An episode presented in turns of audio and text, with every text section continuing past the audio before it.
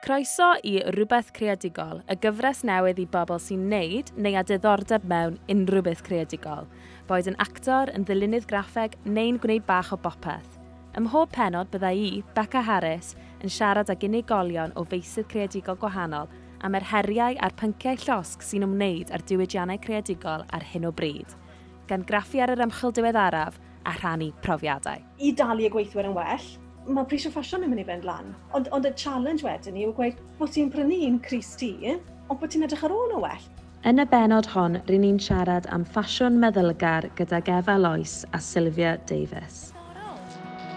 Ti'n gwybod gwybod beth yw hanner y jobs nawr ti? Ti'n hynny yn 9-5? Sut mae technolog yn rhaid i Amser rili credigo, a mae'n joio swydd gymryd. Ti'n llawrydd? Ti'n ddim yn gallu ni mor lwcus bod ti'n lygu swydd ti? Felly, mewn cyfnod o dreulio llawer o amser yn ein tai, mae gennym ni ddigon o amser i ystyried ein harferion siopa, ydyn ni'n siopa'n feddylgar, yn gynaladwy, ydyn ni'n ystyriol o'r amgylchedd, um, mae'r diwydiant ffasiwn un o'r diwydiannau sy'n creu mwyaf o lygrydd yn y byd, ac mae buddsoddi mewn siopau lleol annibynnol yn hytrach na roi arian i gorfforaethau enfawr. Yn symudiad bach iawn allan ni wneud i wneud y byd ychydig bach yn well. Yn ymuno fi sgwrsio am eu persbectif nhw o fod yn gynaladwy ac yn ystyriol wrth greu a siopa ydy yr arlunydd Efa Loes sy'n angerddol am siopa ail law a gofalu am y ddeiar a Sylvia Davis sy'n berchen ar gwmni annibynnol eto eto, uh, sy'n trawsnewid hyn bethau mewn i rhai newydd, a mae'n creu bagiau o dwbiau big tyllog hen dente ac ymbarelau. Uh, diolch i chi'ch dwy am fod yma heddi ac am ymuno gyda fi. Helo, diolch yn gael ni. da ni'n recordio o bellter yn amlwg, dwi yn fy swyddfa. Um, mae'n dawel ac yn neis. A dwi wedi bod yn gweithio adre ers amser rili really hir, so mae'n neis bod yn rhywle gwahanol. Uh, o le ydych chi'n ymuno heddi? Sylvia dwi, helo. Um, dwi adre reit nawr, newydd ddod um, adre o'r stiwdio. Dwi'n rhannu stiwdio gyda nifer o neithurwyr bach, cwmniodd bach o'r enw The Sustainable Studio, um, lle mae nifer ohono ni yn rhan o'r ffasiwn araf, uh, ffasiwn cynaladwy. A i ni gyd nôl erbyn hyn, um, mae'r ma lle yn digon o faint i ni gyd gallu cadw'n pellter uh, oddi wrth yn gilydd, um, ond mae'n braf iawn gallu bod um, gyda pobl sydd yn gyda'r un meddylfryd â ni, felly mae'n braf iawn gallu bod nôl. A ti, a fawr ti o adre? Dwi o adre. Dwi um, dal yn fy swydd llawn amser yn gweithio adre ar hyn y bryd ac yn arlunio adre. So, lot o amser yn y tŷ. Reit, wel, yn gyntaf, mae, yn i sgwrsio chydig bach ynglyn â terminoleg ynghylch ffasiwn cynaladwy. Ni wedi sgwrsio am hyn o'r blaen, y syniad bod gymaint o derminoleg um, a gymaint i siarad am, ond dyn ni'n mynd i siarad yn fwy cyffredinol ynglyn â y camau mae pobl yn gallu cymryd i fod yn fwy ystyriol wrth siopa. Um, uh, symleiddio mae gen ti ffasiwn cynaladwy sy'n ystyriol o'r amgylchedd a effaith siopa ar yr amgylchedd, uh, ffasiwn ethical sy'n ystyriol o bobl ar elfen gymdeithasol, faint mae pobl yn cael eu talu a falle, ffasiwn araf sef y gwrthwyneb i brynu llwythi ar lwythi o ddillad ac yn ffocysu ar y syniad yna o quality over quantity. Um, dwi ddim yn gwybod beth yw hynny'n Gymraeg, ond yn ffocysu ar y safon ac yn prynu llai o rhywbeth sydd yn o safon uwch felly. Um, ailgylchu, prynu'n ail law, a wedyn Sylvia, yn faes di y syniad yna o uwchgylchu a patio pethau fyny um, a basically wneud y gorau o rhywbeth heb daflu e ffwrdd yn defnyddio fe i'r gymaint a phosib, uh, peidio bod nhw astraffus. Felly, fysych chi'n cytuno gyda terminoleg hynny a ymha feisydd ydych chi'n ymddiddori yn dyn nhw fwyaf. Yna gychwyn efo ti, Sylvia. Wel, fel ti wedi gweud, um, uwchgylchu y dwi i wneud uh, yn y busnes i, uh, ond um, na i ddim uwchgylchu popeth, dwi yn prynu pethau bob nawr ag yn y man o'r, sydd yn newydd sbon. Dwi yn creu deunyddiau newydd, um, felly nid um, patio rhywbeth a, a wneud iddo fe bara um, uh, fel jeans tyllog neu rhywbeth felly, nid dyna beth yw uh, yng ngwaith i. Dwi'n cymryd deunyddiau um, a'i ail bwrpasu nhw. So, er enghraifft, um, uh, tiwbiau beic. Os ydyn nhw'n dda i ddim i fod ar feic neu pebyll, os ydyn nhw'n dechrau um, gadael y glaw i fewn, dyn nhw ddim yn gallu wneud i gwaith nhw, felly dwi'n traws newid nhw. Meddwl, mae'n mae, mae rhy gynnar i daflu nhw i'r domen sbwriel, achos wel, yma yng Nghaerdydd, mae popeth yn cael ei losgu, a dyn ni ddim eisiau bod ni yn, um, yn, yn anadlu yr gwenwyn yma i fewn, a mae jyst yn gwneud um, llidw um, gwenwynig ofnadw, a mae jyst yn suddo mewn i'r ddeiar maes o law, a ni'n yfed e yn y dŵr. Felly ni'n ni, ni, ni, um, anadlu fe, neu ni'n yfed e, neu ni'n bwyta fe. Felly gwastraff yw y broblem i fi. A felly um, dwi wedi penderfynu creu busnes mas o hwn, achos dwi, dwi gas gen i wastraff a meddwl bod ni'n gwastraffu pethau yn ddi angen. Mae, mae pethau ni'n gallu wneud mas o pethau eraill. Mae jyst eisiau bach o ddychymyg a bach o amser i, i fuddsoddi mewn um, creu rhyw brosiect neu rhyw fusnes neu rhywbeth felly. Um, cant o mil o bethau eraill gallen ni fod yn wneud gyda fe. Um, ond dyna'n prif waith i. Dwi, dwi hefyd yn trwsio dillad pobl eraill. Dwi'n gwneud hwnna'n wirfoddol trwy Caffi Trwsio Cymru. A fi wedi clywed am Caffi Trwsio. Ydych chi'n mynd i rywle i wneud? Ar hyn o bryd, does na ddim caffi. Caffi meddwl, wrth gwrs, ni'n mynd i gael paned o dig gyda rwle. Beth yw caffi yw bod yn dywed? Ddim wedi bod yn gallu wneud hwnna tra bod uh, pandemig. Um, felly, ni wedi mynd â fe ar-lein uh, am y tro, a mae hwnna just mae'n gwbl gwbl wahanol, felly dwi wedi bod yn um, creu gweithdai i ddangos i pobl. Felly mae'n sort of so along with Sylvia type of thing. Mae falle bod rhywun eisiau patcho par o jeans neu rhywbeth, a felly dwi'n patcho jeans ar, ar Zoom neu ar Teams neu ty beth, a wedyn maen nhw'n gallu gweld beth dwi'n neud, maen nhw'n gallu gofyn cwestiynau, felly mae'n rhywbeth o weithdi ar-lein. Um, ond go iawn beth yw'r caffi trwsio, pwrpas y caffi trwsio, yw bod pobl, ty beth maen nhw'n gallu cario i'r caffi, boed yn ddillad, neu yn fagiau, neu yn feic, neu yn gyfrifiadur, neu yn torro'r gwair, ni'n cael lot o'r yna mewn, a wedyn mae gwahanol wirfoddolwyr wedyn ni yn eistedd mewn caffi neu rhyw neuadd pentre neu ty lle, um, unwaith y mis, mae ma sgiliau gwahanol, dwi ddim yn trwysio beics, dwi ddim yn trwysio cyfrifiadur, dwi yn y gornel textil a dwi yn trwysio dillad y bagiau. Um, a mae hwnna i gyd yn cael ei wneud am ddim, er mwyn trio osgoi pethau mynd i wastraff. Pethau yeah. sydd ddim yn werth mynd â nhw at rhywun proffesiynol. Felly os oes just hem wedi dod lawr a maen nhw'n gwybod sut mae gwynio fe neu mae dim peiriant gyda nhw. Os ydw rhywbeth mwr, i ni yn cynghori bod nhw'n mynd at rhywun proffesiynol a bod nhw'n talu i cael jobyn da. Felly y syniad yna eto, peidio gwastraffu, basically. Yeah. A, a rhywbeth nes ti ddweud yn dy bolediad di efo um, y podlediad werth y byd, ti'n neud efo Bethany Celyn, ac oeddet ti'n gweud mae Old Tribe Carbon, yr holl ddillad newydd sy'n cael ei brynu'n y ddeirnas unedig, bob munud, yn fwy na hyn sy'n cael ei greu gan gar yn gyrru o gwmpas y byd chwe gwaith. A dyna di taro tant, achos y syniad yna bod ti'n ti, siopa elusennol a bod gen ti bach o obsesiwn, um, a dyna oedd wrth wraidd yr obsesiwn neu o ti'n meddwl, o, mae hwnna'n eitha cool neu a wedyn datblygu rhywbeth? So, dwi wastad wedi bod yn ddiddordeb mewn siopa yn ailaw, ers fi'n fy arddegau, ond nes i fynd i'r brifysgol i sydd studio pensaerniaeth, nes i wneud iddo ddwy radd mewn pensaerniaeth, a dwi'n credu o fod yn dysgu mwy am y byd a dysgu mwy am sut i drio neu'r adeilad yn fwy canolad oherwydd mae adeiladau ar diwydiant adeiladu hefyd yn um, achosi problemau mawr-mawr o ran llygredd ac yn y blaen. Beth o'n i'n sylfalu oedd ar cyfan, mae'n mynd i fod rhai fath exceptions yn amlwg, ond ar y cyfan y peth mwyaf canoladu gallu di wneud yw defnyddio adeilad sydd eisiau sy'n bodoli. Oherwydd mae dymchwel adeiladau ac adeiladu pethau newydd lot, lot yn fwy gwastraffus ac yn cynhyrchu lot mwy o problemau'r blaned na bydde defnyddio rhywbeth sydd eisiau yn bodoli, a dwi'n credu bod y syniad na o ddefnyddio rhywbeth sydd eisiau yn bodoli um, yn rhywbeth nath yn haro i eto o feddwl o dyna pan mae mor bwysig siopan a'i law. A dwi'n credu nes i fynd o fod yn berson oedd yn siopan a'i law fath o bob un a hyn i fod yn y blynyddoedd diwethaf wedi bod yn berson sydd yn siopa a'i law gan amlaf ac yna fath o unwaith o'r y flwyddyn os dwi angen rhywbeth fel sydd ddim really modd cael gafel arno fe yn ail law, neu brynu nhw newydd wedyn. So ti'n mynd unwaith neu dwywaith y flwyddyn, beth amdano ti Sylvia, pa mor aml wyt ti'n mynd i brynu rhywbeth, so ti'n gweud, ar gyfer taledd?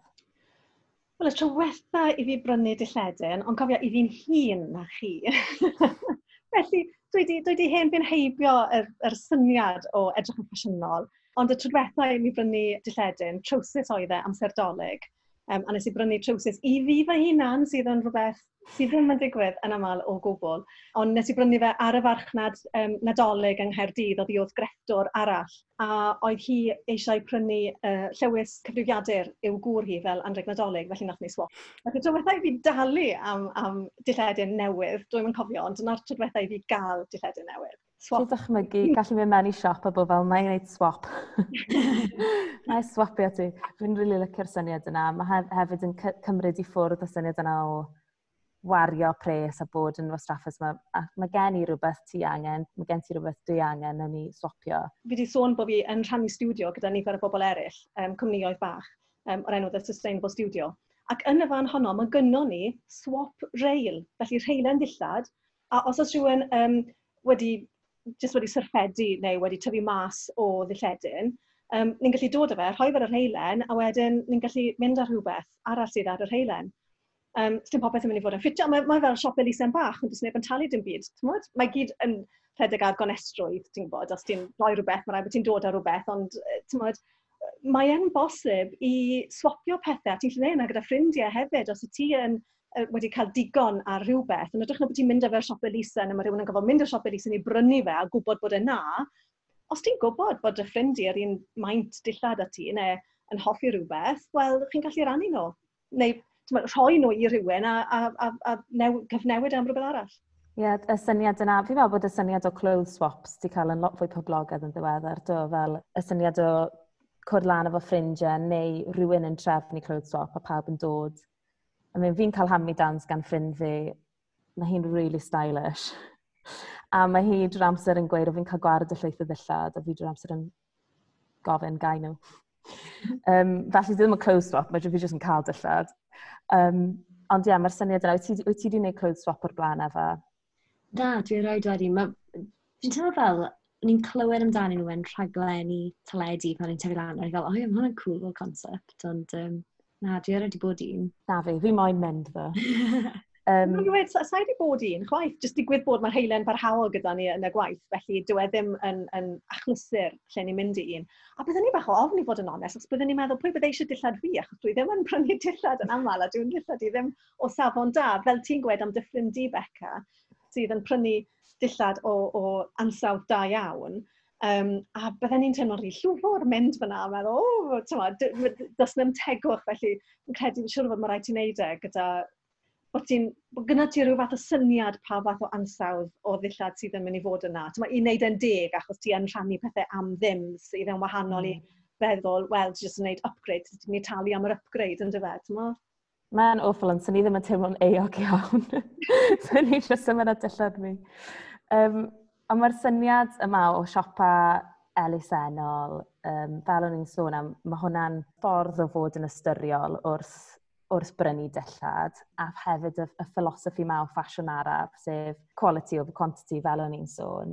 Ond mae pobl yn obsessed gyda trends, ac mae'r trends yn newid drwy'r amser, ydych chi'n gallu meddwl am ffordd o wneud y syniad yna o siopa'n araf yn fwy apelgar i boblogaeth mawr i bawb. Yn gwestiwn anodd. Sa'n gallu meddwl yn ffordd. Beth, beth i fi'n gweld sydd yn odd yw bod pawb eisiau bod yr un peth. So, does neb eisiau troi lan i, i barti neu, neu yn lle yn gwisgo'r union yr un dillad a rhywun arall. Mae hwnna'n creu embaras. Ond hwnna ar y llaw arall, mae pawb eisiau edrych yn lled debyg. Maen nhw gyd eisiau mynd i'r un math o siopau yn hytrach na bod nhw wir eisiau dangos bod nhw yn greadigol yn unigryw um, ac yn prynu rhywbeth sydd yn dra gwahanol.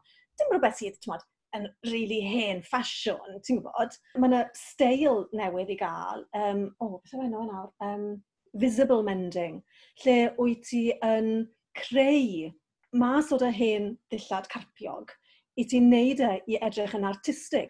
Bod mm. ti'n hmm. creu rhywbeth sydd lot mwy deniadol fel, fel darn o gelfyddyd. Felly mae'n lot mwy special wedyn a Ti'n mynd teimlo bod e'n rhywbeth a'i law. Ti wedi creu fe mewn rhywbeth oedd yn werth mwy nag oedd yn y man cyntaf, Ac yn personoli pethau mwy fel yna.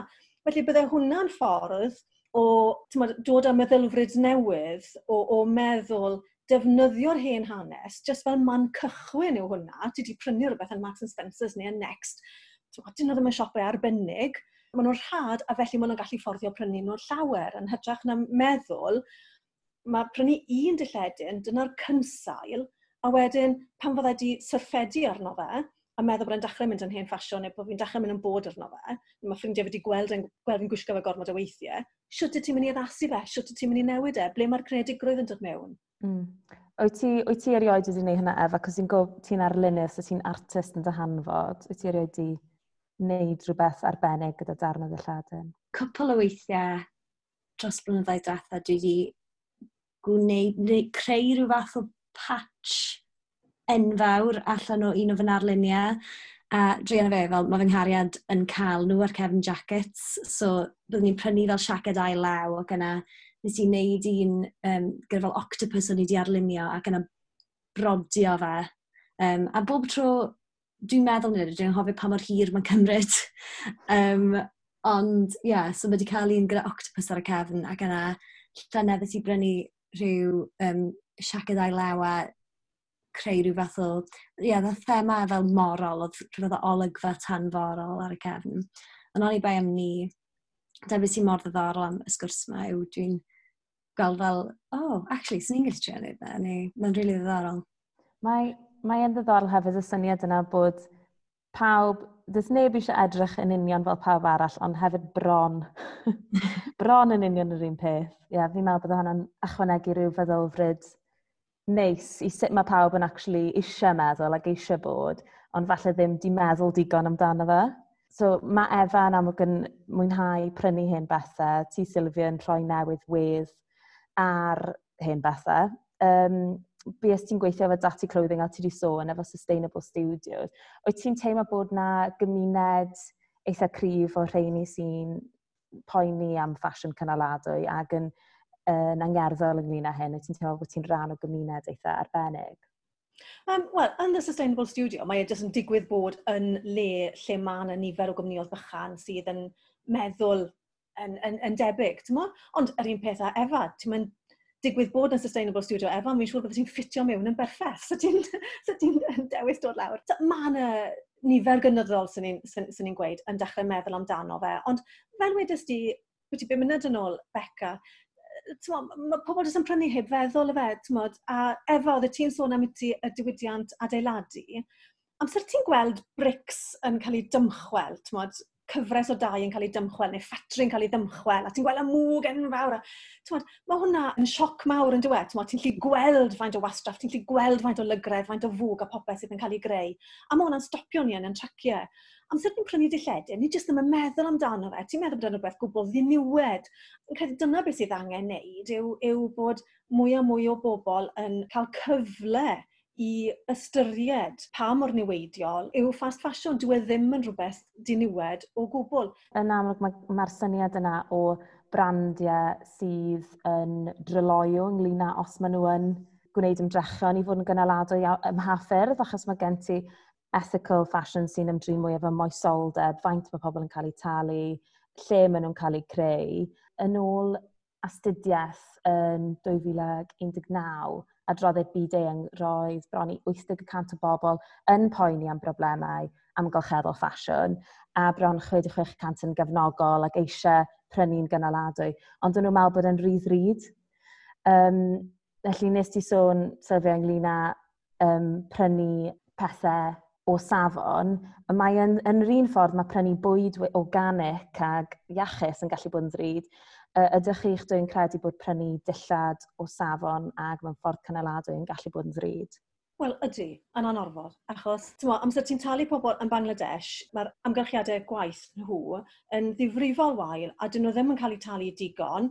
Fi'n gwybod, mae'r isafswm cyflog fan hyn yn uwch na giwe fan na, ond na gynnu beth ni'n siarad amdano. Dyn nhw ddim yn cael digon o arian i fyw yn y wlad honno.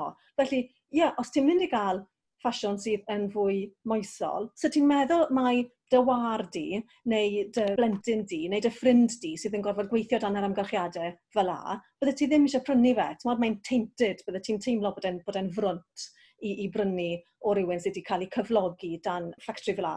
Felly, i dalu y gweithwyr yn well, mae pris o ffasiwn yn mynd i fynd lan.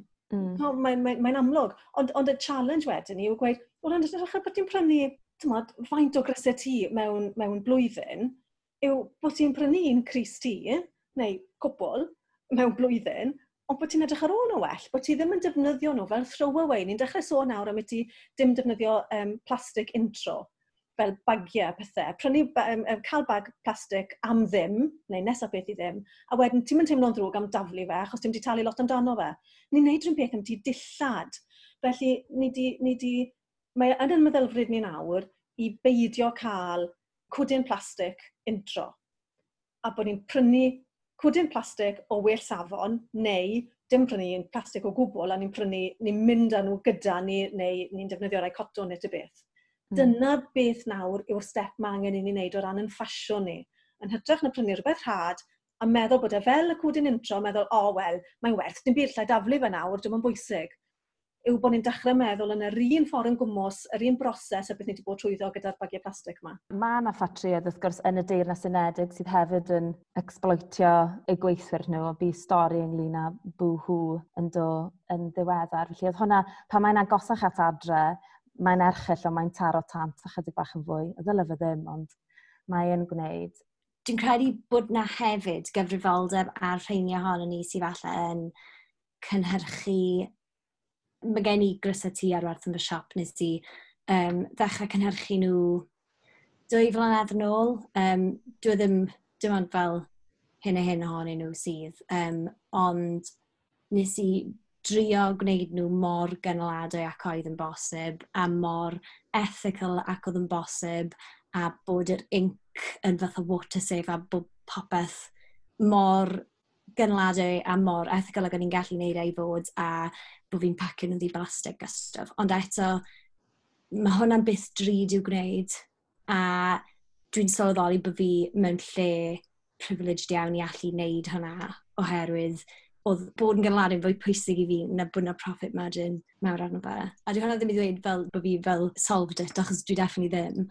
Ond dwi'n credu bod na gyfrifoldeb ar y rheini ohono ni sydd falle yn gweithio yn y sector greadigol, ddim yn ffordd mor amlwg a Sylvia, achos mae beth mae Sylvia yn gwneud yn gynladu yn ei natur. Ond i wneud ymdrech, i wneud pethau yn fwy cynladu, i ymchwilio. Oherwydd, dwi'n credu fel consumer, does dim o reidrwydd gen ti lot o amser i fynd i ymchwilio mewn i be ti'n mynd i brynu.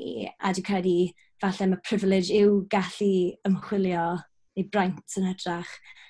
Ond falle dyle y rheini ohono ni sy'n bwriadu cynhyrchu neu creu dillad yn enwedig feddwl mwy am sut i wneud e'n ganlyniadau. Ac beth i'n rili really moyn i fel mae hwnna yw'r normal yn y pen draw? Mae hwnna'n rhywbeth fi'n ffeindio'n eitha diddorol o ran lle mae'r cyfrifoldeb yn gorwedd ac ydy yn eitha hafal. Mae'n anodd ffeindio brandiau sydd yn argyhoeddedig ynglyn â cynnal y deuedd nhw, neu falle bod jyst dim lot ohonyn nhw yn bodoli. Mae un fi'n licio prynio yw um, Lucien Iac sy'n neud dyngris. Os gennych chi frandiau, dych chi'n licio prynio, o, dych chi'n gwybod bod nhw'n ystyriol o'r fath yma bethau? Mae nifer fawr erbyn hyn, yn enwedig sydd yn wneud um, dillad nofio er enghraifft. Maen nhw'n defnyddio econil, sef math o nylon. So, eco nylon yw e, econil, dyna beth yw enw'r um, um, a mae'n cael ei greu gan gwmni yn yr Eidal, ond mae'n cael ei ddefnyddio nawr ar draws y byd gan gynnwys cymnioedd uh, ym Mhrydain i wneud dilladnofio achos mas o nylon yw hwnna, a maen nhw'n defnyddio gwastraff o'r môr, ti'n so yr hen rhwydi maen nhw'n casglu mewn o'r môr, yr ymgyrch fawr yma i drio glanhau'r moroedd. A wedyn maen nhw'n gallu ail ddefnyddio hwnna dor o tro.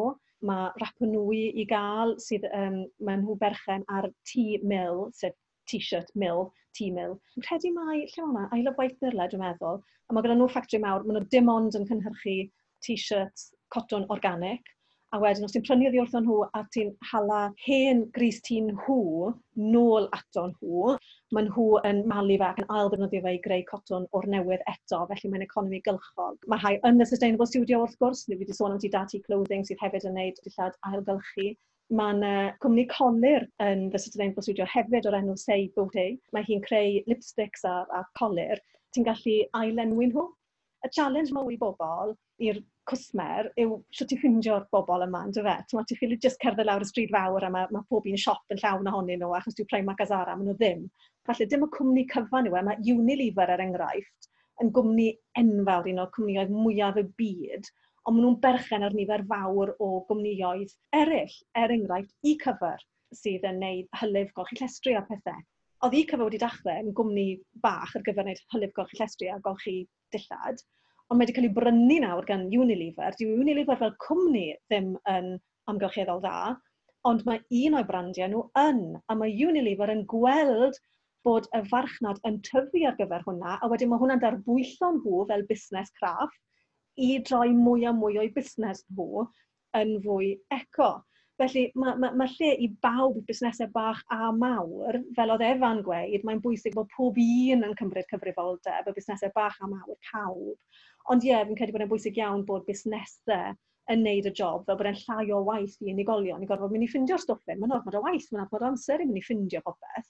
Mae Cardiff Indie Collective sydd yn brosiect newydd. Maen jyst wedi bod yn gwneud crowdfunder nawr er mwyn creu gwefan sef mapio siopau Cyrdydd mewn ffordd, busnesau bach Cyrdydd, yr indies i gyd. A bydd hwnna'n gyferlyfr da iawn. Nid cyferlyfr ar gyfer ffasiwn yw e, nac ar gyfer ffasiwn gwyrdd araf dy beth, ond mi fydd hwnna'n rhan ohono fe. Tyma, bydd yn haws i ffindio busnesau bach fel efa a fi. Os mi pobl eisiau prynu i wrth ni. Mae gyd yn bwydo mewn i'r i'r un syniad yna o fod yn feddylgar, yn dyfa, o ran bod yn feddylgar wrth brynu, wrth greu, wrth mynd i indies bach a cefnogi rheini sydd rili really angen e. Fi'n meddwl yn y cyfnod yma, mae hwnna'n bwysicach nag erioed. Ydych chi'n gweld y dyfodol yn mynd i gyfeiriad, fel y ti'n gweud, Sylfia, ydych chi'n gweld y dyfodol yn mynd i gyfeiriad lot fwy cynaladwy, lle mae cwmnioedd mawr yn meddwl, o, oh, man, dyma lle bydd pobl yn mynd yn y dyfodol. Neu ydych chi'n meddwl bod yn bell i ffwrdd ar hyn o bryd? mae'n anffodus pe bydde be yn cael ei weld fel rhywbeth sydd yn cynhyrchu arian i bobl a dyna pam mae'n cael ei wneud. Ond eto, i raddau, falle dyna sut mae'r byd yn gweithio er dda neu er wael, really. Dwi wedi darllen lot o beth yn yr wythnos o diwethaf am bonedd y geiddio siopau Lysen. A dwi'n credu bod hwnna o bosib, o, o siarad gynnau fel trends, ac os yw siopau ail lew yn fynd yn fwy trendy, bod yn feddwl gar yw'r prif beth, oherwydd mae yna broblemau nawr yn codi i raddau ble yna bobl sydd falle'n gyfarwydd a siopa cyflym yn mynd i siopa elusen ac yn fath o prynu popeth. A mae'n golygu bod y pobl sydd angen siopa mewn siopa elusen oherwydd mae dyna sut mae'n gallu fforddio i wisgo eu teuluoedd nhw neu i gael llestri maen nhw angen ddim yn gallu cael yr adnoddau yna maen nhw angen oherwydd mae rhywun wedi mynd mewn prynu popeth. Ti hefyd yn cael trend ble, a dyw hyn ddim yn fath o un neu ddau peth, ond fath o on a scale ble mae pobl yn mynd i siop Elisen i brynu'r pethau maen nhw'n gwybod gallen nhw werthu mal yn profit. Mm. A mae hwnna'n fath o ethical quandary i bobl hefyd. Dwi'n rili really gobeithio bod pethau yn mynd i fynd i gyfeiriad mwy caladwy, dyle fe fod yn fwy normal dyle siopa ailaw fod yn fwy normal, ond mae rhai pobl yn gweud yn y dyfodol gobeithio bydd siopa ailaw ddim yn goffi bod yn gymaint o beth oherwydd bydd pobl ddim yn cael gwared ar gymaint o bethau oherwydd mae'r pethau maen nhw'n darchen arnyn nhw'n beth maen nhw'n trysori a wir wir eisiau. Mae'n teimlo fel bod na fwy o ymwybyddiaeth ynglyn â um, ynglyn â'r peth. Um, beth amdano ti, Sylvia, ti'n gweld pobl eich bach yn fwy ymwybodol ac yn mynd i'r cyfeiriad yn ei? Um, Sa'n gwybod. Tyma, mi fydd yna rhyw gnewyllyn o'r boblogaeth. Mae'r boblogaeth yn fawr ac yn, ac yn wahanol iawn wrth gwrs. Tyma, felly, mm. tyma, i ni fan hyn yn siarad reit nawr, i ni in the in crowd sydd yn meddwl am y pwnc. Ond bybl fi hwnna, nag y boblogaeth tu fas, pan welon ni gyd yr er cews o tu fas Primark. pan nath nhw ail hmm. agor ar ôl y pandemig, ti'n gwybod? Ti'n meddwl dim byd wedi newid, y pobl ni... Tri mis mae'r siop wedi bod ar gau, dim ond tri mis! yn y bywydau, yn gallu ti feddwl bod wedi bod ar gael am flwyddyn gron, achos oedd pobl gymaint eisiau dillad. Beth, mae pob un wedi bod yn gwisgo joggers, beth oedd eisiau dillad newydd arno pob un? Sa'n gwybod oedd eisiau cews am wech o gloch y bore i fynd mewn na. Ond, ti'n efo, ti'n gweud, fi'n gobeithio bod e'n mynd i'r cyfeiriad iawn. Ti'n dyw'r byd busnes mae'n gweithio fel yna, gyw. yw. Ti'n modd, i gwmniodd mm. bychan fel ti a fi sydd gyda'r meddylfryd yna. Ie, yeah, ond oedd ti'n gweud y hunan, oedd y ti'n gorfod cymryd hit ar y profit margin achos nes ti wneud dewisiadau nes di dyw busnes mawr mae'n meddwl fel la. Shareholders, bottom line, dyna'r unig beth sy'n bwysig. Felly, byddai'r haid, really, mae'r haid i ni fel gwlad, fel, tmod, o ran deddfwriaeth, um, newid y gyfundref. achos dyna'r unig beth sydd ddim yn ei wneud yn decach i siopwyr unigol sydd yn meddwl, wel ie, yeah, tyma, hoffwn i brynu pethau sydd yn well i'r amgylchedd, ond sa'n gwybod ble, sy'n amser fi'n mynd i wylo. Mm. mm. Mae'r rhaid i ni edrych ar deddfwriaeth. Mae yna gynllun i gael o'r enw B-Corp, yn fyr am B-Corporation. Mae'n gwbl gwbl wirfoddol i gwmnioedd, smot beth yw i maint nhw, bach neu enfawr, i, i ymuno gyda'r BCOP, ti'n talu rhywbeth fel aelodaeth er mwyn cael rhyw stamp oddi wrtho nhw, ond maen nhw yn drylwyr iawn yn checo'r cwmnioedd a mae lot o'r cwmnioedd yn methu y tro cyntaf i gael BCOP certification achos maen nhw'n edrych ar popeth ni wedi bod yn siarad amdano, tymod amgylchiadau gwaith y, y bobl, pa mor eco-gyfeillgar mae'r stwff maen nhw'n creu, beth maen nhw'n neud ar y pen draw, oedden nhw'n cymryd i cynnyrch nhw nôl i drwsio nhw a rhoi nhw nôl i'r cwsmer, neu oedden nhw, tymod, unwaith maen nhw'n gwerthu nhw'r cwsmer, ydy'r cwsmer jyst yn gallu taflu nhw'n y bin. Pob math o wahanol bethau. Felly mae B-Corp yn, yn gret, achos triple bottom line sydd gyda nhw, neu the one bottom line sef arian, profit. Mm. Fel, fel, so mae'r triple bottom line yn edrych ar yr amgylchedd, odyn maen nhw yn edrych ar profit. Mae ma, ma profit yn bwysig i gwmni, ti'n ffili byw heb bod profit, achos dyna beth sy'n talu dy rent di. Um, um, ond hefyd um, y cyfleusderau gwaith, yr amodau gwaith i'r gweithwyr. Felly dyna'r dyna tri, y triple bottom line. A dwi'n meddwl mae'r rhaid yn ei gael mod, gwell deddfwriaeth mae'n anodd amser ti yn, tywed, yn, yn offshore pethau i China pethau, achos hyd yn oed bod gyda ti gwmni sydd yn gweud triple bottom line, ti ddim yn y ffatri na, so ti'n gwybod beth sy'n digwydd, so ti'n gwybod os di'r bos fyna gyda canser yn gweud roedd y pobol ti ddim yn cael mynd i'r tu bach reit nawr, mae rhaid i ti wneud y waith. Ni ddim yn gwybod, felly mae cael pethau mwy lleol, fel o ti'n gweud am ti yr bwhw yn Leicester, mae pobl yn dechrau sylweddoli mwy am sy'n mae'r stepen drws di, a falle bod ti'n nabod rhywun sydd yn gweithio mewn ffactri fel la. Felly mae cael ffasiwn sydd yn cael ei greu yn fwy lleol yn mynd i helpu, fel bod ni'n becso mwy amdano fe, mae deddfwriaeth dwi'n meddwl yn bwysig i sicrhau bod ni ddim yn cael wneud pethau sydd mor ddrwg i'r amgylchedd, um, fel bod ni yn gallu cael um, cwmnioedd sydd, ie, yeah, yn cael wneud profit, ond bod nhw'n gwneud profit sydd ddim ar drail a modau gwaith a iechyd pobl ar amgylchedd. Dwi'n sicr angen ail ystyried y ffordd. Dwi'n prynu heb feddwl achos mae'r top yma o Zara a fyddai'n ymrwymo i ffilosoffi bach yn fwy araf o ran ffasiwn. Just pa taflu fe. Falle bod fi wedi prynu... Fi'n siŵr mae rhywbeth y fi yn, yn y wardrobe sydd wedi dod o Zara. Fi'n bendant wedi prynu rhywbeth o Zara o'r blaen.